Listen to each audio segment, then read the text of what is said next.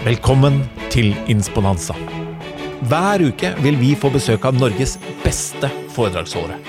Det alle gjestene våre har til felles, er at de er her for å inspirere deg, og at du kan booke de på athenas.no. Jeg er Sigurd Granmark, og jeg er programleder og konferansier for konferansen Insponanza. Mer informasjon og billetter finner du på athenas.no. Velkommen til Insponanza. Dagens gjest eh, får meg til å føle at jeg sitter med litt sånn kortbukser, for han har eh, hatt et helt liv i både radio, medie, TV, NRK og P4, og du så han hver tirsdag på Ekstratrekningen. Noen måneder for eh, eh, mange år siden så hadde han Andersnatten, og han er Han er for meg selve symbolet på optimisme. Nei, men Det var da voldsomt. Anders Tangen, velkommen. Så fikk du meg til å føle meg veldig gammel, og det var egentlig, en veldig god følelse. For det er annet Livet bare går, ikke sant. Altså, Man gjør ting, og så når folk oppsummerer det, så er det sånn Ja, ja det sto noe igjen. Ja, for Anders Tangen, altså det, det, det, den der Tangen-natten altså, det derre Tid for Tangen Nei, Andersnatten og Tid for Tangen. Ja, det var to program på P4. Eh, Tid for Tangen var formiddagsprogrammet. Ja. Og så var det Andersnatten som var en nattsending. Som hadde et utgangspunktet umulig tidspunkt. Fra klokka ett til fire om natta. Men så blei det veldig populært. Ja, husker jeg! Ja, så, det, så apropos dette med optimisme, så er det noe med å liksom Ok, nei, men jeg tar utfordringen. Vi får se hva vi kan få til eh, fra klokka ett til fire om natta. Og det vi gjorde da, var å finne ut av Ja, for det første, hvem er det som er oppe? Og så må vi begynne å jobbe med dem. Det er f.eks. folk som kjører bil. Så har du nerder som sitter oppe med datamaskinene sine. Og dette var på 90-tallet. Og da eh, brukte vi noe som heter IRC, som var en sånn tidlig utgave av Twitter. Sånn at folk kunne sitte og chatte med oss. Det var veldig nytt da, i 1998. Og så satt vi så på TV litt sånn samtidig, bare sto på, for det er det også folk gjør på natta. Så det var et av de første sånn multitasking-radioshowene, altså. Rett og slett. Det var veldig gøy å være med på. Hva gikk på TV på natta på 90-tallet? det var, det var eh, det vi brukte mest, var Jerry Springer. Som var en freakshow? Ja, ja, fullt freakshow. Altså, folk sloss. Det var svigerinner som hadde ligget med pappaen til unga dine, og det var liksom ikke grenser for hva de slapp til der, da. Og folk ble rasende på hverandre og føyk i totta på hverandre, og det var eh, Jeg tror ikke vi ville lagd det programmet Eller jeg vil ikke ha snakka om det nå, for det var et elendig program, men det var veldig moro å ha gjort det på 90-tallet. Ja, det, det, jo, det, var, det var stort. Men så har du jo levd et liv. Hva um, Og så gjorde du ekstratrekninger og alt det der, og blei en del av folks eh, stuer. Ja. Og så har du jo eh, siden den gang forlatt typ, de plattformene. Driv for deg selv. Hva gjør du nå? Nå reiser jeg rundt og holder motivasjonsforedrag for næringslivet. Fordi ved siden av alt dette jeg har holdt på med i media, så har jeg en utdannelse. Eh, eh, Jeg har i utgangspunktet noe juss, og så har jeg noe statsvitenskap, og så har jeg i voksen alder utdannet meg til psykoterapeut. Så jeg er gestalt-psykoterapeut. Bare for for å forvirre psykoparaterapeut, så la du på gestalt foran. Ja. Ja, Hva er en gestalt psykoterapeut? Ja, det er godt du spør om det. Eh, jeg skal, det finnes en lang og kort historie, jeg tar en mellomting. Eh, Det er jo tre sånne retninger innenfor psykologien, kan du si. Du har den klassiske skolepsykologien, som Freud. Alle kjenner til psykoanalysen. Barndommen din, grave ned og finne ut Å ja, du har pappakomplekser, mammakomplekser. Det er den skolen. Tuller litt med det nå, men setter det litt på spissen. Så har du, hadde du vennen hans som het Moreno, som mente at livet er en scene. Vi spiller ulike roller, og som dermed fant opp psykodrama. Så kan du da i terapi spille ut ulike roller, eh, spille ut deg selv, spille ut folk rundt deg. Og så hadde du en som het eh, Fritz Perls, som var gift med Laura Perls, som dannet gestaltterapien. Og tok utgangspunkt veldig her og nå, mente at du trenger ikke det å grave i barndommen for å finne ut hva som skjer. Det er egentlig nok bare å være til stede her og nå, så vil det dukke opp noe i relasjonen mellom oss som gir informasjon nok. Trenger ikke vite så mye om bakgrunnen din for å skjønne hva vi skal jobbe med sammen. Og så bruker vi oss selv i relasjonen og sier at eh, når du sier det, så kjenner jeg at jeg blir trist. Og som terapeut, når en terapeut sier det, så har det lett for å skje noe med den andre, fordi du får empati, rett og slett. Og det er ting vi kan bruke, så vi diagnostiserer ikke klienten i gestaltterapi, vi diagnostiserer feltet, som det heter. Vi sier bare at dette skjer mellom oss nå. Jeg kjenner at når du sier det som klient, så blir jeg Jeg kjenner at jeg blir irritert. Er det noe du kjenner igjen fra andre som har blitt Ja, det er flere andre som også har blitt irriterte. Jeg sier ikke da at klienten gjør noe feil eller noe riktig, bare konstaterer at når du sier det på den måten, så kan noen bli irriterte. Og nå skjedde det med meg, så kan vi jobbe med det. For eksempel. Mm. Kan du da bruke stille noen spørsmål? Er det noen eh, teknikker eller spørsmål du har lært som gjør at du ganske kjapt kan komme til litt sånn grunnleggende forståelse av en person, eller? Vi snakker om noe som heter figur-grunn, er vi opptatt av i Gestalt. Eh, og det er, det er alltid noe som er i fokus i hjernen din, eller i oppmerksomheten din, men du er ikke alltid klar over hva det er selv. Kaja Nordengen, som også er en foredragsholder i Atenas, har jo skrevet en bok som heter Hjernen er stjernen. Og på side 139 så fratas alle kvinner dette argumentet de, de bruker mot oss mannfolk, som sier at «å det er typisk mannfolk greier ikke å gjøre to ting på en gang. Det greier ikke kvinner heller. Fordi det er en illusjon å tro at vi egentlig greier å multitaske. Vi kan gjøre bare én ting av gangen, kan tenke bare én tanke om gangen og så kan vi skifte i løpet av brøkdelen av et sekund, men i hvert fall skifter vi. Så det å være klar over hva er det jeg går rundt og er opptatt av, hva er det som fyller oppmerksomheten min, og så være klar over at det ene du er opptatt av, det tar oppmerksomheten din, og det gjør faktisk alt annet utydelig. Mm. Alle som er foreldre vet hva ammetåke er, og det er fordi du tenker på ungen din, du tenker på alt. Alt annet blir utydelig. Alle som har vært i sorg, vet at den sorgen er så gjennomgripende og så tung at du greier simpelthen ikke å få så øye på så mye annet enn denne sorgen. Og nå har vi hatt covid-19. Jeg tror veldig mange har det sånn når du våkner om morgenen, så er det egentlig en fin dag, inntil du kommer på at det er det helsikas viruset som er der fortsatt. Så kommer du på det. Og det har stått der som en påle nå i folks bevissthet nesten over hele verden, så jeg er veldig spent på hva som skjer når den figuren slipper. og vi kan begynne å tenke på andre ting. Så når du spør er det et spørsmål, så er det noe med å prøve å finne ut av hva er det vi er opptatt av sammen akkurat her og nå, og hva er det som er i din oppmerksomhet? Kommer du inn i gestaltterapirommet og ser sliten og kavete ut, så er det rett og slett sånn som du gjør når du skal ha smalltalk, spørre hm, du ser litt hektisk ut. Ja, du skjønner, jeg kom derfra dit, og så, og så kan du begynne rett og slett å kontakte det første du ser. Mm. Ja, fordi noen er jo Og noen er mer følsomme enn andre. Noen er lettere å sette ord på følelsene sine enn andre. Men hva opplever du når du er rundt omkring i Du har reist land og strand rundt, da. Du er jo en av de uh, virkelig som jeg har sett og, og vet som Atenas både setter pris på og bruker mye. Også for at du er anvendelig. Uh, men hva er folk opptatt av, da? Der du. Ja, der ute. Du er jo alt fra Jeg så på nettsiden, det var jo liksom fra kommersielle selskaper til, til Nav og Pensjonistforeningen, eller liksom er, Hva er vi opptatt av? Når, hva er ligger i forrest i pannebrasken vår? Ja, Det er et godt spørsmål, og det varierer. Det varierer veldig. Men det er, alle er folk. Alle er folk.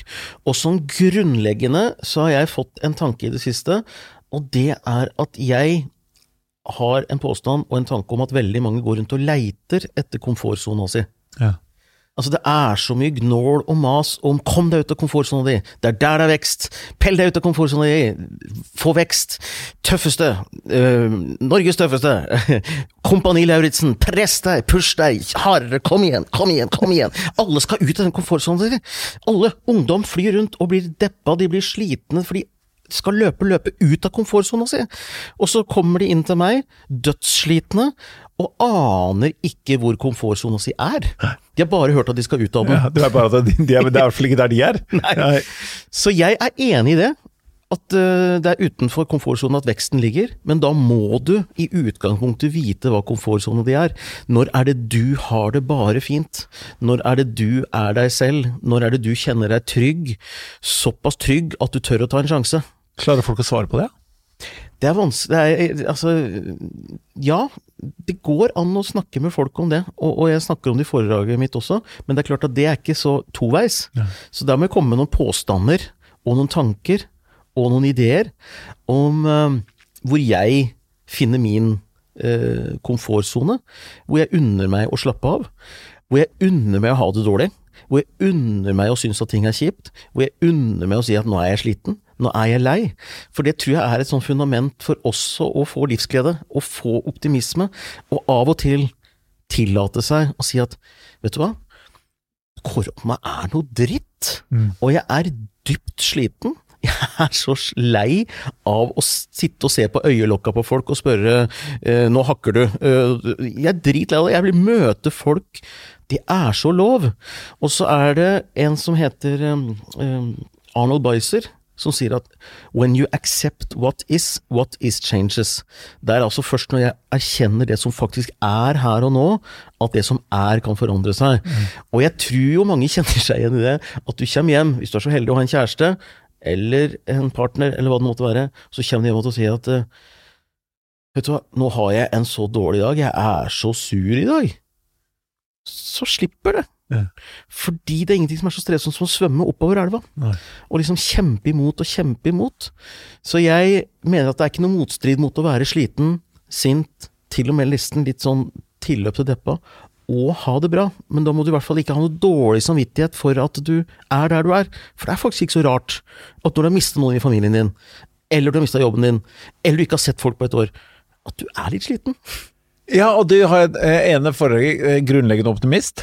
Ja, optimist for sikkerhets skyld. Unnskyld, ja, optimist for sikkerhets skyld, og uh, optimist for sikkerhets skyld, og du er du er du er jo, i hvert fall for meg, en eh, Det er sikkert derfor jeg sa grunnleggende optimist, men eh, optimist for sikkerhets skyld. Du er jo en optimist sånn ja. i utgangspunktet, men du har også sånne dager, vel?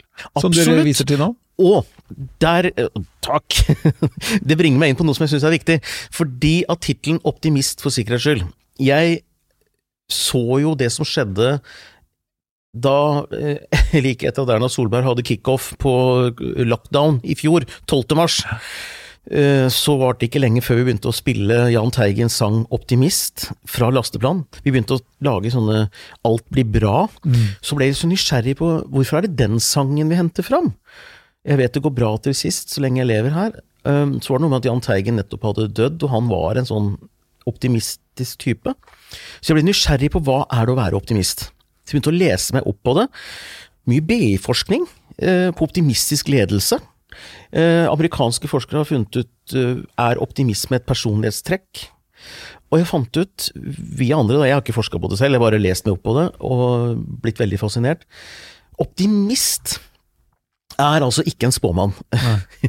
det er ikke en som sitter med krystallkule og vet at alt blir bra i morgen. Optimisten vet akkurat like lite som alle andre om hva som skjer i morgen.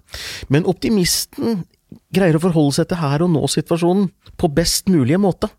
Og det betyr at hvis optimisten er sliten, hvis optimisten er lei, så er han så optimistisk og tenker at dette går over. Men akkurat nå er jeg litt sliten med deg. Ja, Det er en bra vinkel på det. Ja.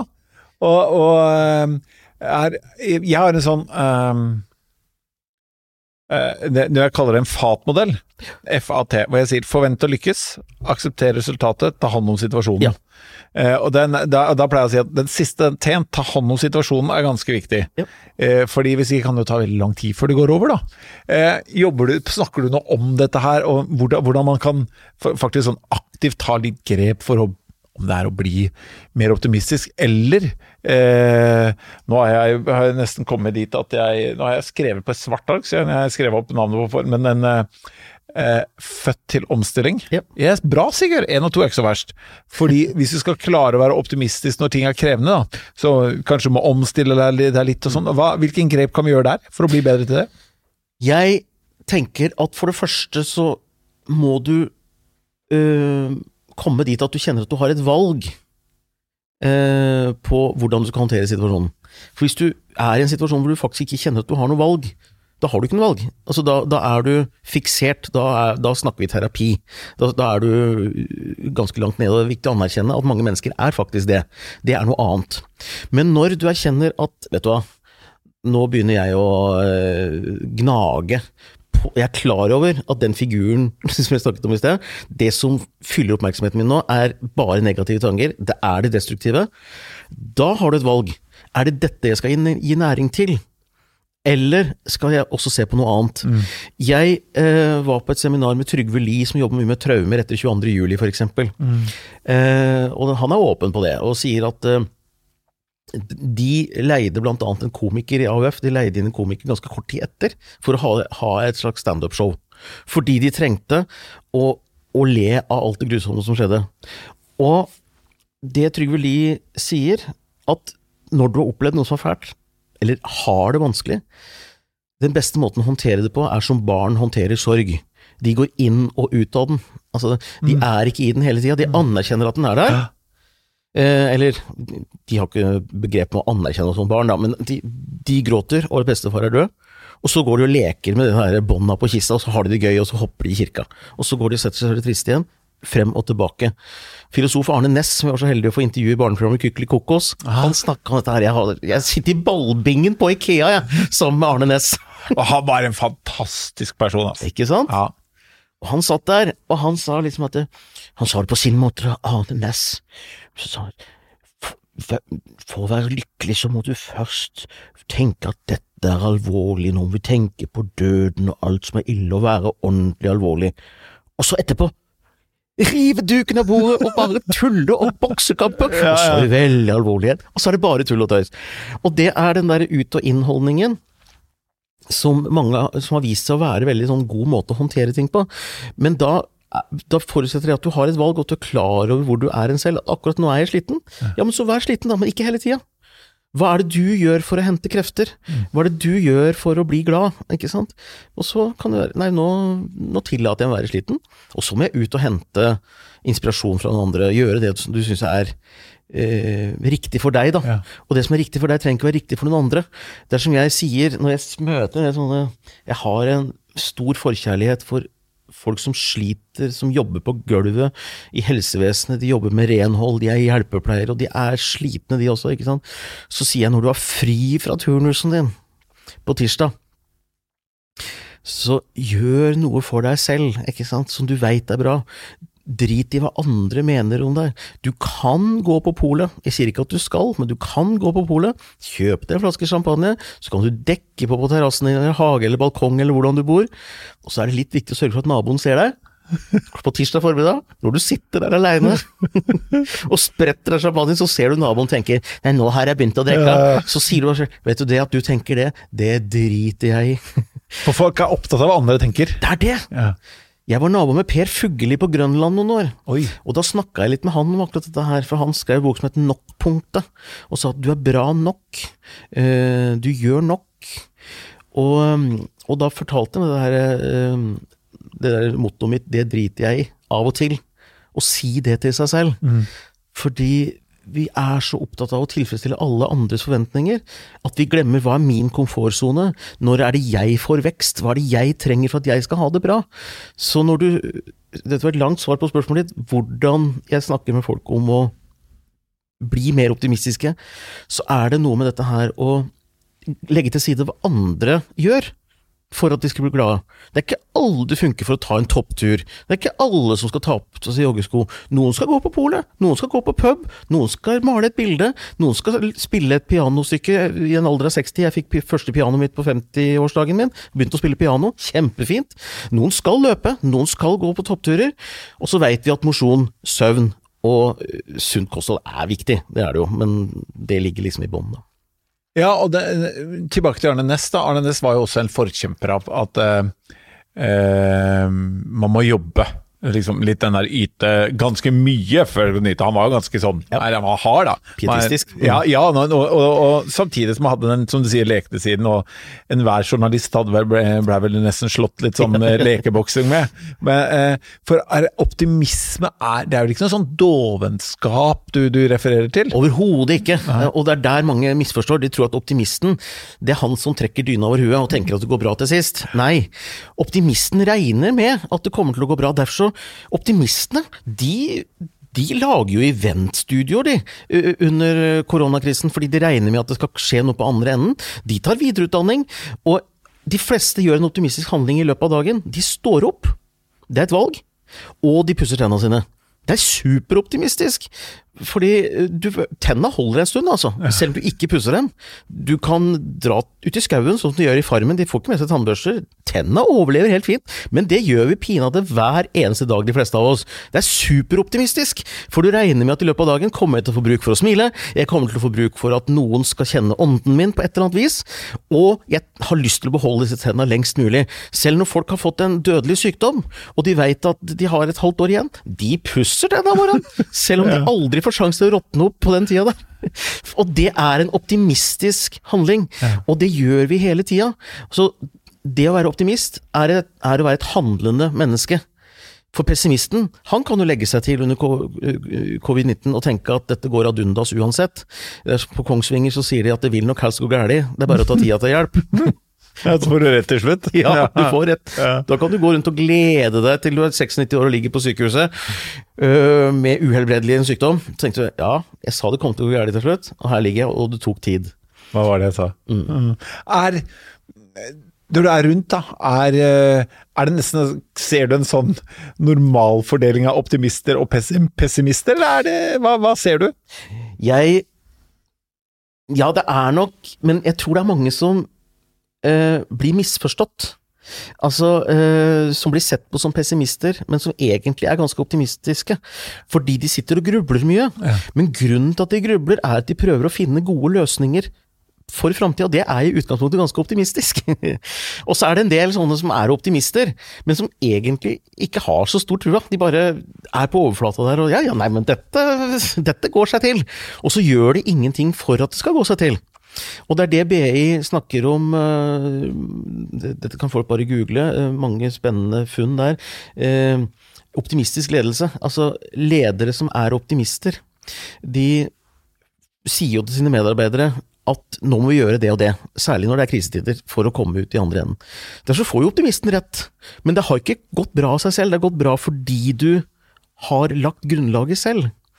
Uh, og um, optimister Det viser seg også at optimistiske foreldre får barn som er mer sånn motstandsdyktige mot uh, motgang i livet. Okay. Viser seg. Uh, fordi de har fått en grunnleggende tanke at det kan gå bra, bare jeg legger grunnlaget selv. Mm. og du får bedre helse. Altså det å se lyst på tilværelsen, da. Det er det det handler om. Det handler ikke om å se lyst på framtiden, for det vet du ikke noe om det frigjør noe som heter oksytosoner, altså hormoner i blodet, som gjør at du rett og slett har det bedre. Men så er det eh, mye av det som er nedarva, altså eh, Men optimismen har, har, er tre komponenter. Det er personlighetstrekket, og så er det tankemåten, og så er det handlingene dine. Og handlinger kan du lære deg. Du kan også lære deg handlingsmønstre, men det, akkurat selve personlighetstrekket er litt vanskelig. Ja. Men, eh, men vi trenger jo for så vidt optimistiske skeptikere i et team eh, som ser katastrofene på forhånd. Fordi beredskap, f.eks. i Norge, vi har jo sett eksempler på det, hvis du ikke hadde hatt noen som ikke Altså, hvis alle bare tenkte at alt bare går bra av seg selv, så, så, gjør du ikke det. Du da hadde vi snakket russisk? Ja, ikke sant. Da hadde vi snakket russisk. Så vi trenger jo de som tenker at det kan gå gærent også. Ja. Men de er så optimister og tenker at ja, men da gjør vi noe med det. Men er optimisme smittsomt? Ja, det er jo det det er, og det er sunt. Og, og, men det er som sagt mye misforståtthet rundt optimisten, fordi han blir sett på som litt sånn naiv og litt dum. Ja.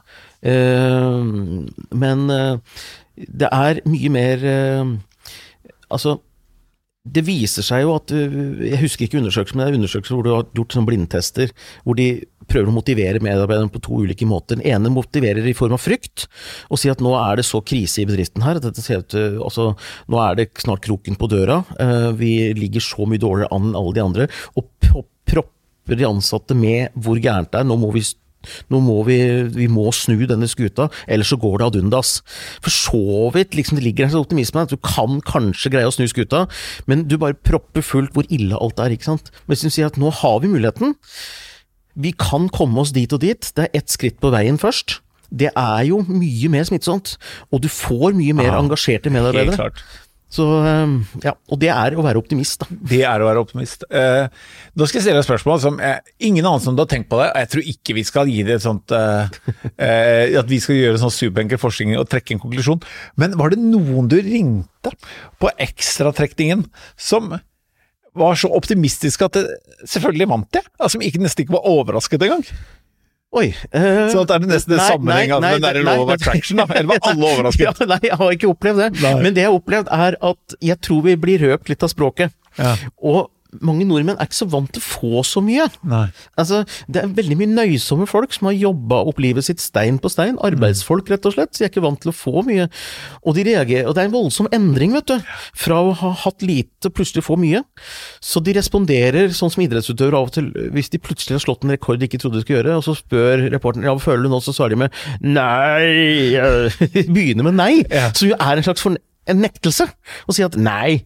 Eh, Og det, jeg har ikke forskning på det, som du sier, men kanskje 80-90% svarer med nei. Ja, hva tenker du nå når du har vunnet? Som, nei, jeg vet ikke. Altså, akkurat som de prøver å ta litt avstand fra at de har vunnet, da. Fordi det er litt skummelt ved å få dette her. Og har jeg fortjent dette her? Og så går det opp for dem ja, men jeg har jo venta på han der eller hun der som liksom bare jubler helt vilt, og som skal bruke det på noe dumt! For alle skal bruke det på fornuftige ting. De skal, de skal gi bort penger, Ja. og de skal eh, De har vunnet kanskje to millioner, og da begynner de å tenke at de skal gi bort masse, og de skal kjøpe hus, og de penga går fort, altså. Ja, det går fort. Du har fått av optimisme, og her skal det festes. Ja. Hvis du skulle sagt jeg, jeg, jeg har aldri hatt det som et eh, tema, optimist Eller jeg har jo øh, øh, hørt deler av foredraget ditt, jeg har øh, fulgt deg, lest om deg. Er begeistra for det, den optimismen og positivitismen du sprer rundt deg gjennom linser og andre ting du gjør. Men optimismen som en personifisering eller et konsept, det syns jeg er spennende. Kunne du prøvd å plassere en person på det? En historisk skikkelse? En mann, eller gjerne en mann og en dame? Sånn, dette, er ult, dette er selve Det er hun eller han? Det er selve optimisten, ja. Ja. Nei, du, du har, du har det, kort da, for det er jo Når du har gått til dette her vet du, Anders, så lenge, så blir det helt naturlig prat for deg. For andre kan det være litt sånn eh, Optimisten, er dette en person? Altså, det er lettere hvis vi klarer å se en Ja, ja, ja. Eh, jeg, jeg vil faktisk eh, Jeg er, som noen veit, opptatt av en rar ting. Det er Eurovision Song Contest, Melodi Grand Prix. Eh, og det er en grunn til det. Eh, det var at jeg i 1978 eh, så var jeg Gjøviks Jahn Teigen. Jeg gikk rundt med bukseseler og var Jahn Teigen. Og han reiste jo nedover og skulle vinne i Paris, og så fikk han null poeng. Og så snudde han det til seier, og han som innkalte til pressekonferanse i Paris, med splitthopp og, og ga ut en plate med 'This Year's Loser'. Han tok eierskap til det å tape, da, og gjorde det til en seier. Det er å være optimist. Fantastisk. Optimisten er ikke å si at 'jeg kommer til å vinne'. Det veit han ingenting om. Uh, han veit like lite om det som pessimisten. Men det han vet, er at 'jeg kan vinne med null poeng'. Jeg fikk null, men jeg kan vinne allikevel.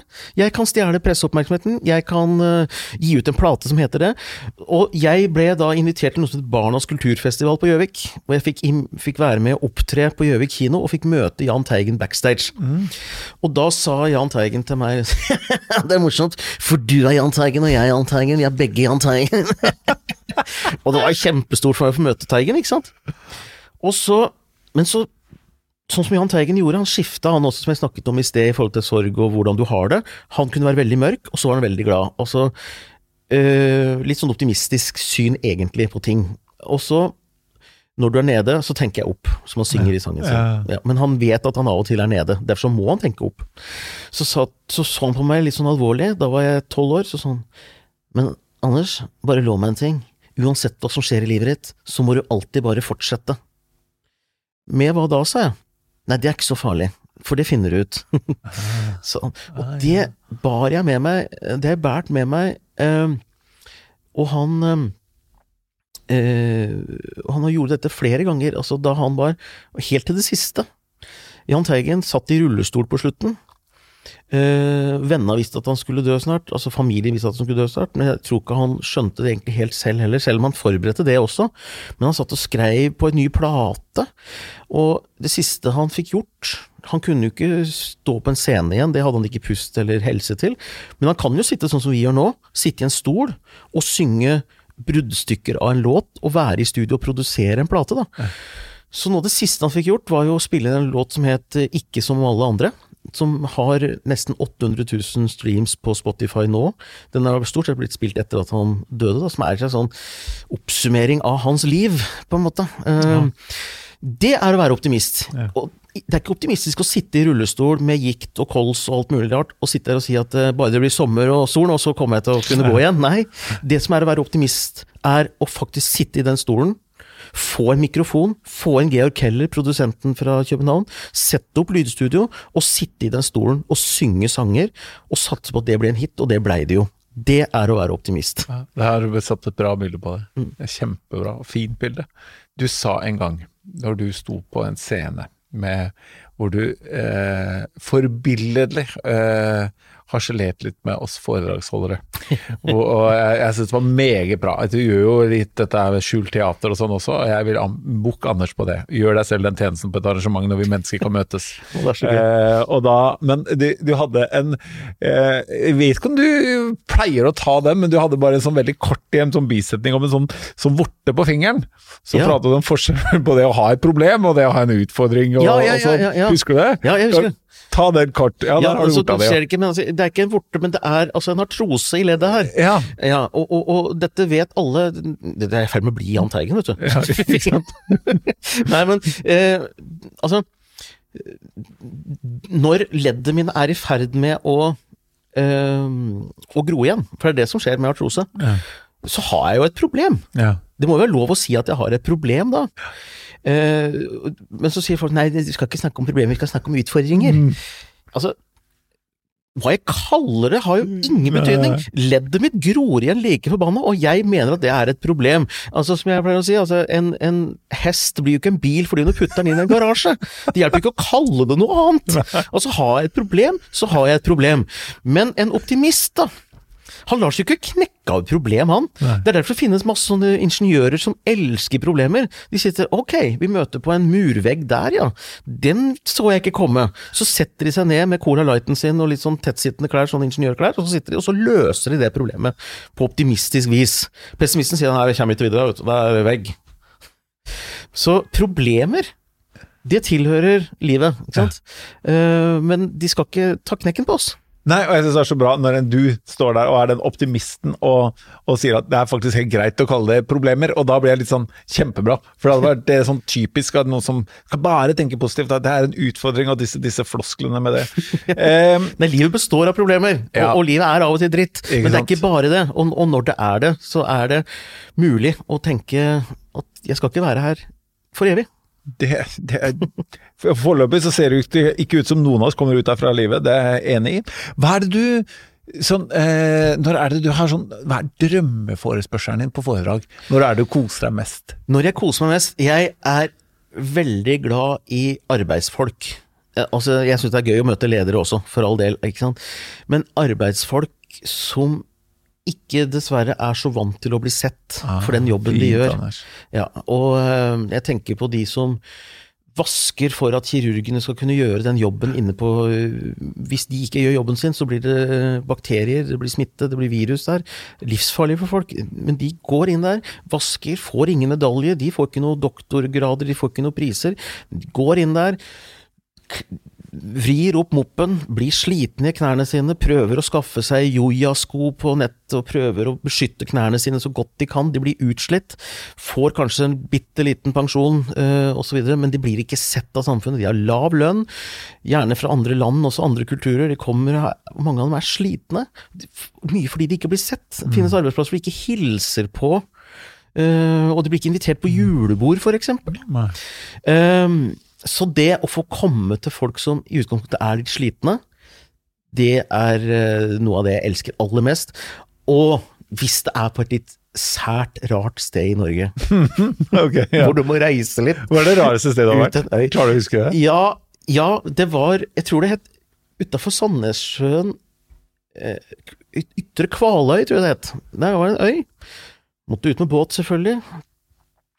Og når du er ute i havgapet Snakk om optimist, da. Når du er ute i havgapet der, eh, og det er båt med vilt hav i alle retninger, hva starter du da? Trappefabrikk! Det er jo ikke trær, det er jo ikke trær der! Men der, der, lager de trapper, som jo er eh, noen av de mest sånn dis, eh, flotteste designene, som er liksom feinschmecker-trapper, da. I glass, i metall, i trær, som du frakter råmaterialer inn med båt, frakter trappene ut med båt. Og nå var det noen som skulle starte whiskydestilleri ut på den øya der også, jeg bodde ja, 40-50 stykker der eller noe sånt. Nå. Fantastisk sted! Så trivelig! Og um, folk som er optimister, da, og tenker at ja, de skulle starte trappefabrikk, da. Det er moro med trapp. Uh, det, ja, og det, det er helt utrolig hvordan man kan få sånne ting. Og det, igjen, hvis man sier igjen, hadde noen sagt 'det går ikke', eller hvis du har lagt fram det som et business case, det er ganske mange som hadde sagt nei. Uh, det er, det er- er et par gjester her jeg ikke har spurt om dette her, men du har såpass Jeg må nesten spørre deg, fordi du har noen rare take på ting. Hvis du kunne overvært en hendelse, enten en, ja, Eller sett overvært en hendelse i verdenshistorien, akkurat samme hva det er, hva er det du ville ha overvært? Hva er det du ville ha sett? I verdenshistorien, ja. Ja. Nei, det, er- det, er, det er mye som har eh, Mye som har fascinert meg, men, men jeg, jeg Jeg syns jo det er noe fascinerende med Jeg, jeg er blitt litt sånn opptatt av Uh, ja, det, det, nei, det, det var et godt spørsmål. Veldig, veldig godt spørsmål, for det setter i gang masse tanker. Um, litt sånn, hvis det er eh, Legg, legg tro til side, da. Legg Ja. troa til side. Ja. Men eh, nå hører det, folk dette på forskjellige tidspunkter, men når vi sitter her og snakker, så nærmer det seg påske. Jeg gjorde et morsomt webinar om påskebudskapet i ledelsesperspektiv. Jesus oh. som leder. Det syns jeg var morsomt. Jeg skulle gjerne sett den historia om det lederskapet. Fordi, eh, ikke sant, du fikk skjærtorsdag, hvor du samler teamet ditt til et sånn måltid. Det er event, ikke sant. Da har vi, da har vi festen på torsdag. I morgen er det langfredag, da skal vi jobbe, da er det lidelse. Eh, da, da, skal, eh, da skal lederen deres korsfestes, da skal han på Debatten og svare for seg, og stå der og, og korsfeste, dere, vet det. Og kanskje det kommer noen i hans team som kommer til å fornekte at de noensinne har gjort det og det, eller, eller ta avstand fra varslingssaken, eller hva det måtte være, ikke sant. Men Jesus, han tar støyten, henger på korset der, og så kommer eh, påskeaften, hvor, de, hvor det er liksom litt sånn tvil, men ok, eh, det er lov liksom å feire Ikke feire, men vi, det er fest. Paske, det er påskefeiring, som var en jødisk tradisjon, uavhengig av om Jesus ble borte eller ikke. Ja. Og så kommer pinadø lederen opp igjen på første påskedag! Det er lederen sin. Ja. Han var ikke borte allikevel. Han kommer tilbake, og han forlenger ferien med én dag og sier at vet du hva, nå trenger vi å avslutte denne her eh, reisa vi har hatt sammen med enda en sånn fridag hvor vi bare får lov til å puste ut og være sammen uten å måtte prestere så veldig mye. så det å kunne få overvære det, Ja. hele, det hele den der greia der, hvis det har skjedd historisk, det er ikke så farlig om det har det, eller ikke har det, for jeg syns det er en det er urhistorien, egentlig. hadde du kunne stått eh, i siden av er det Golgata det, der han bærte sitt kors opp. Hadde, hadde stått der og notert og sett ja. hva gjør du nå som leder, og du går der med korset ditt. Ja.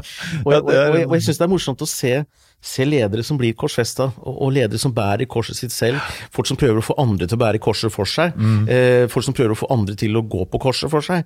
Eh, folk, folk som svikter teamet sitt når det gjelder. Folk i teamet som svikter lederen sin. Nei, jeg syns det er veldig morsomt. Ja, og det her, det, de bare de siste 15 sekundene er jo veldig spennende å begynne å dra inn nesten billedlig når man, når man snakker med selskaper. da, og dette er hvor, som jeg mener kjennetegner i hvert fall veldig gode, eller gode, veldig gode ledergrupper og kulturer, er jo dette med lojalitet. Ja. Og hvordan vi støtter hverandre og er der for hverandre. Eh, når du tok din tur fra Høybråten, da, eller fra Stigenga, satt deg på, på toget med Haugensti, jeg kjenner jo hele denne linjen, jeg er jo oppvokst i, i områdene. Fantastisk togtur, forresten. Ja. Du, du har skau, og du har elv, og du har industriområder, og du har uh, Og arbeiderklasser. arbeiderklasser er helt enig. Det er, det er kjempefint. Og fra, du drar fra Høybråten, hvor det bare er eh, et tog og buss og eplehager, til der hvor T-banen begynner å komme. Eh, når du satt deg på togene hit, da, eh, er det noe du hadde ønska jeg skulle stille deg spørsmål om som vi ikke har snakket om, eller? Nei, jeg syns du er flink, ja. Eh, Altså, dette er denne samtalen. Denne kommer aldri igjen. Og det har aldri, aldri skjedd før.